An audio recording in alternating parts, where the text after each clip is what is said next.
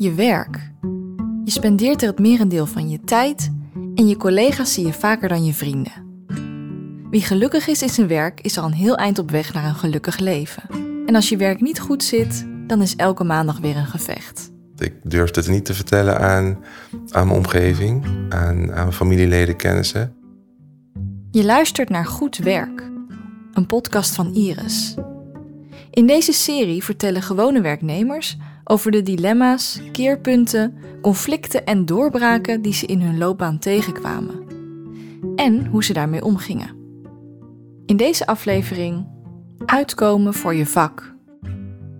Ik was als, ik denk 12, 13-jarige jongen met mijn moeder naar het ziekenhuis, omdat zij de taal niet goed uh, beheerste, als tolk. Hier begint het verhaal van Eumer, een grote man met donker haar en een baardje en blauwe ogen. En er werd een onderzoek gedaan en het uitslag was: je moeder heeft uh, behoorlijk uh, uitgegroeide baarmoederhalskanker. En als we haar baarmoeder niet uh, verwijderen, dan zaait het uit naar eierstokken en daarna is het eigenlijk sloes. En dus als het niet geopereerd wordt, gaat ze dood. En ik moest dat nieuws aan, aan mijn moeder brengen. En hij zei, praat er even over, dan ga ik vast even kijken welke dagen het allemaal kan, want het moest echt acuut gebeuren. En ik zei, uh, ik vertelde dat aan mijn moeder. En mijn moeder zei toen, nou ja, ik weet niet waarom ze dat zei, maar ze zei, als jij later dokter wordt, dan kan je me helpen. Geen zorgen, dit wordt geen dramatisch verhaal. Met de moeder van Eumer kwam het helemaal goed. Zij is inmiddels een gezonde en lieve oma voor zijn zes kinderen. Maar dit is de herinnering die maakte dat Eumer vrouwenarts wilde worden. En dat was de meest sterke drive die ik ooit heb kunnen vinden om iets te gaan doen waarbij ik een dierbare kan helpen, mijn moeder. En dat idee laat hem niet meer los. Ik zat op de HAVO, ik wilde graag geneeskunde doen. En, uh, en binnen de geneeskunde de gynaecologie, dus echt wel met vrouwenziektes en zwangerschappen. Er was alleen één obstakel. Ik ben niet zo'n uh, wiskundig uh, georiënteerd persoon. En wiskunde B was toen een van de voorwaarden. Omdat hij niet de juiste vak heeft gekozen, weet hij dat geneeskunde studeren een hele lange weg zou worden. En Eumer heeft een beetje haast. Hij is namelijk tijdens de HAVO al verloofd. Dat klinkt misschien extreem jong, maar Eumer komt uit een traditioneel Turks gezin, waar dat iets gebruikelijker was. Ik was van plan op dat moment al na de HAVO te gaan trouwen. Hè? Dus ik ben binnen dat hele traditionele.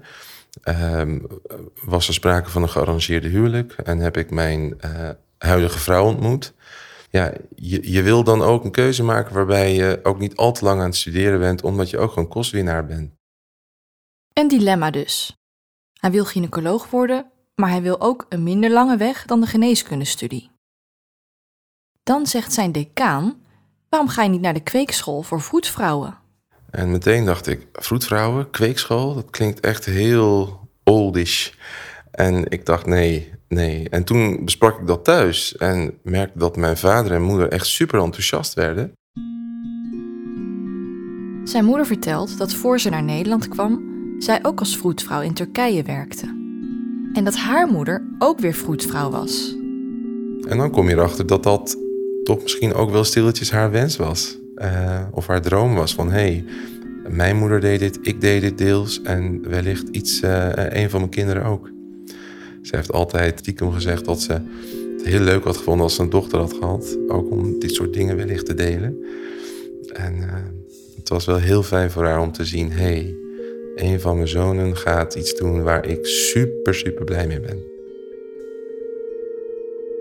Hij meldt zich aan voor de opleiding wordt eerst afgewezen en later toch aangenomen. En hoewel hij zijn opleiding meteen heel leuk vindt, heeft hij er ook een dubbel gevoel bij. Weet je, je bent een jonge man en je denkt uh, alles zoveel mogelijk passend bij wat uh, jonge mannen zouden doen. Um, en binnen de Turkse cultuur, zeker omdat we ook heel vaak naar Turkije gingen, dus wel flinke connectie hadden met hoe het daar ging uh, verwachten ze dan als jongeman zijn dat je dan arts gaat worden en niet een verloskundige of een verpleegkundige. Dat is vanuit het macho-cultuur, zou ik maar zeggen, bijna denigrerend voor je man zijn. Dat vond ik heel moeilijk. Dus Eumer vertelt aan niemand wat hij studeert. Dat heb ik een tijdje stilgehouden. Ik durfde het niet te vertellen aan, aan mijn omgeving, aan, aan mijn familieleden, kennissen. Ja, waar ga je naar school? Kweekschool voor vroedvrouwen. In plaats daarvan zegt hij dat hij geneeskunde studeert. Zijn vrouw, zijn ouders en schoonouders, die weten het wel.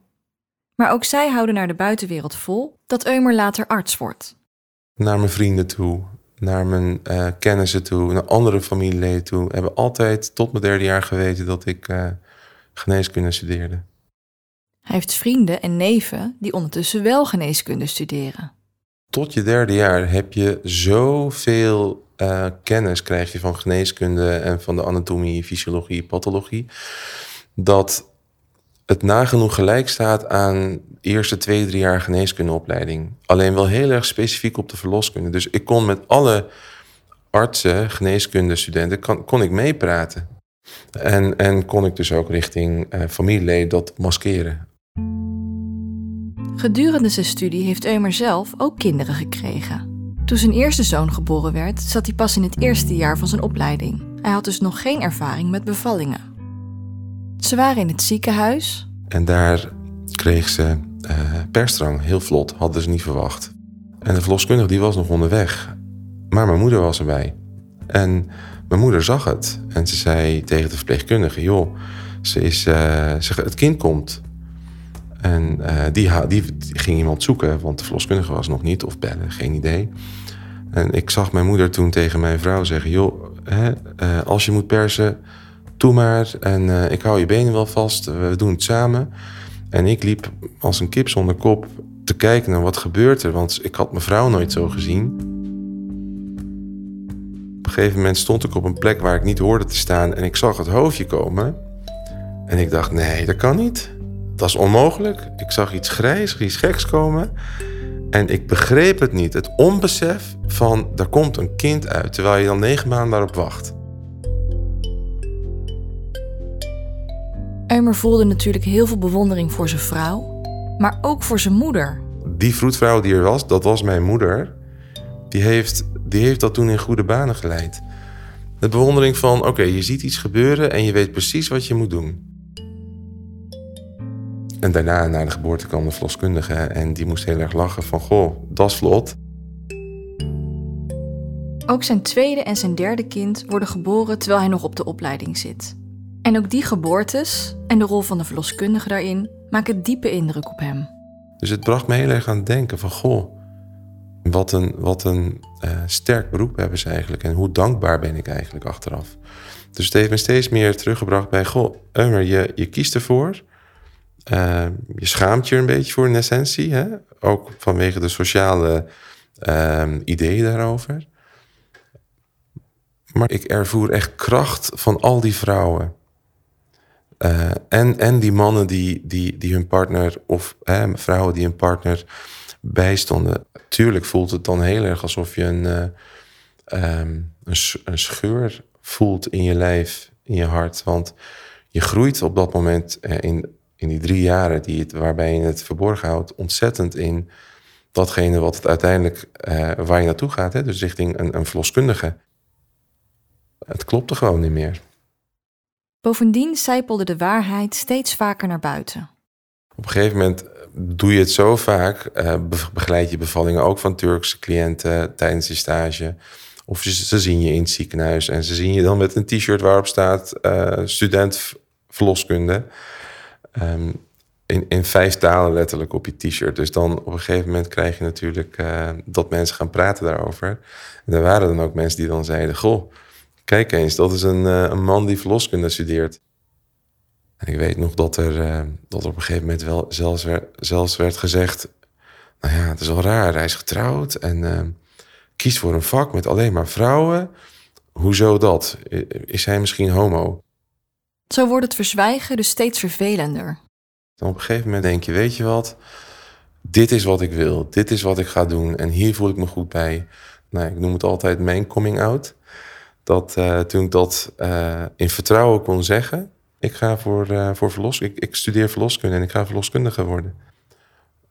Nou, dat mensen toen ook heel oké daarmee waren. Het was, mijn schaamte was toen weg en het was oké. Eumer verandert van undercover verloskundestudent Aan het begin hè, had je dan allemaal van die gekke roddels en nare dingen die ze over je zeiden. in de vraagbaak voor de familie. Vervolgens was het, hé, hey, mijn zusje of mijn nichtje of eh, die zus en zo is zwanger. Heb je daar misschien wat informatie over hoe dat dan is en wat, wat bepaalde klachten betekenen? Eumer is inmiddels 37 jaar en hij heeft meer dan 5000 kinderen geboren laten worden. Daarvoor moest hij natuurlijk veel leren.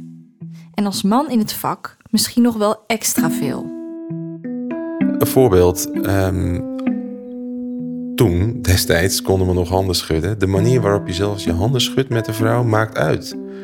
Als jij als, als man, masculien, keihard een hand vastpakt... Ja, sommige vrouwen vinden het prettig om hè, stevigheid te hebben... maar anderen willen juist een bepaalde compassievolle, zachtaardige eh, benadering hebben. En dus, oké, een harde hand werkt niet, blijkbaar, duidelijk. Slappe hand ook niet. Dus wat is de gulden middenweg? En dan ook in communicatie, welke stem, eh, toonhoogte moet je gebruiken? Als, je, als je zelf een onrustig type bent, dat, dan voelen mensen dat. Eh, als je daarbij woorden gebruikt die onrust kunnen creëren, nou, dan wordt het alleen maar erger. Plus je bent man, upsakee, je, bent, je staat al 3-0 achter.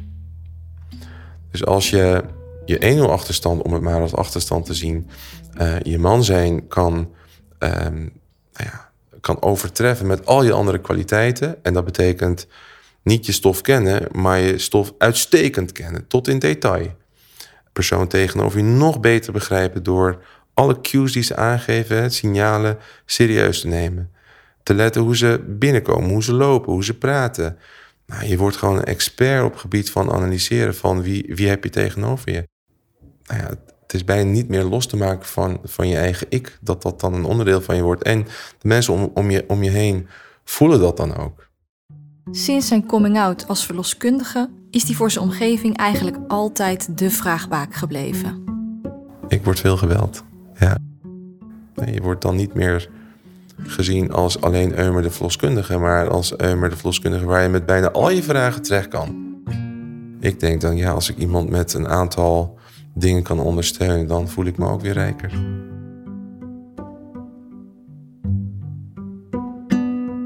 Je luisterde naar Goed Werk, een podcast die je wordt aangeboden door MZ Services, Geerts Partners en ABGL. Samen zijn zij Iris. Zij stimuleren mensen zelf de leiding te nemen en zo boven zichzelf uit te stijgen en hun volledige potentieel te benutten. Met strategie, creativiteit, ervaring en een mensgerichte aanpak brengen ze medewerkers en organisaties verder. Interviews en montage Lotte van Galen. Research Iris Cohen. Techniek Arno Peters. Veel dank aan Eumer.